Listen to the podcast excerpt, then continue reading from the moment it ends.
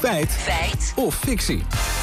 Over uh, zomerse relatieperikelen gaan we het hebben, Lammert. Ja, want ik ga over drie weken met vakantie. En ik las vandaag de krant, het AD. En ik schrok een beetje. Want relaties zouden massaal op de klip lopen. En het aantal aanvragen voor echtscheidingen zou na de zomervakantie explosief toenemen, schrijft het AD.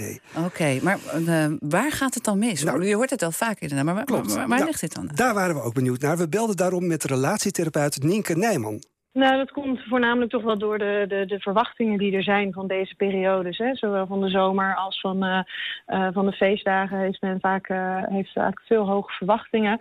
We willen er van alles eh, van, maar uiteindelijk krijgen we eigenlijk zelden wat we, wat, we ervan, eh, wat we ervan verwachten. En dat heeft onder andere te maken dat het eh, vaak gewoon onrealistische verwachtingen zijn. Ah, de verwachtingen zijn zo Ja. hoog. Ja, ja, ja, ja, maar je neemt jezelf altijd mee, zegt het dan ook. en stellen zitten gewoon te veel op elkaar slip. Z- Zijn, zijn er dan cijfers van? Nou, het CBS heeft wel cijfers van het aantal scheidingen waar al een handtekening onder is gezet. Maar we hebben het echt over een piek in de aanvragen. En echtscheidingsadvocaat Conchita de Roy vertelt ons over een onderzoek van het TNS Nipo. Dus eigenlijk in de, in de periode vlak voor de zomervakantie neemt het aantal echtscheidingsaanvragen dus dan ook heel erg toe. Hè. En in augustus en september is dat 20 tot 30 procent meer dan in de overige maanden. Dat is het percentage. Flink. Een, een- Ja. Echt een stijging dus in de aanvragen. Ja, en wat de Roy ook merkt is dat er überhaupt meer vragen zijn over de optie om te scheiden. En ja, nu we toch bijna aan het einde van de zomer zitten, vroegen we maar gelijk om wat juridisch advies. Altijd handig, wat ik heel veel met cliënten heb ook, hè, die komen bij mij en die gaan eerst even informeren, ook vaak voordat ze nog de echtscheidingsmelding hebben gedaan, van hoe zit het nou voor mij eigenlijk? Hè? Wat, wat, wat, wat, wat voor consequenties heeft de echtscheiding voor mij? En ja, ik vind het echt super belangrijk, daar hamer ik altijd mensen, laat je goed informeren van waar je voor staat. Hè?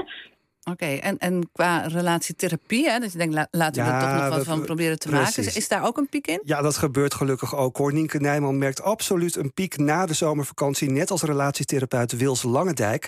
Maar zij geeft nog een andere reden voor die piek. Mensen zijn er gewoon niet. Die zijn gewoon weg. Of die zijn, eh, die, een van beiden is weg. Of de kinderen zijn bij de een. Of, dus er wordt gewoon minder uren gemaakt. Ik vind heel, heel Nederland ligt zo'n beetje plat. Dus dan ineens dat mensen in, eh, na periodes... Het zijn ook van die momenten in het jaar dat je beslissingen neemt na de vakantie. Hè? En na kerst ook, na oud en nieuw, nieuwjaar. Laten we er wat aan doen. Of laten we er niks meer aan doen en laten we gaan scheiden. Ja, dat zijn wel beslismomenten. Oké, dus mis- misschien ook wel logisch dat er meer aanvragen zijn. En dit kan, eh nou maar het, ieder stel overkomen. Of zijn het vooral de gestreste fulltimers die hun familie helemaal nooit zien? Ja, hebben we Nijman gevraagd. Na de zomervakantie zie je toch wel vaak dat het wel gaat om stellen waarbij er ook kinderen zijn. Omdat eh, vakanties met kinderen vaak toch wat gecompliceerder zijn dan wanneer een stel zonder kinderen op vakantie gaan. Want die kunnen gewoon veel beter afstemmen wat hun persoonlijke behoeftes zijn. En dan zijn er gewoon veel minder belangen in het spel. Nou, dat moet geruststellen. Precies. Ja. Oké, maar dan de, de, de eindstand. Ja, nou, of het nu komt door eh, de liefdesbom die knapt... of door de pauze in de zomer. Het aantal aanvragen voor echtscheidingen neemt tussen de 20 en 30 procent toe na de zomervakantie. Dus het is zeker een feit.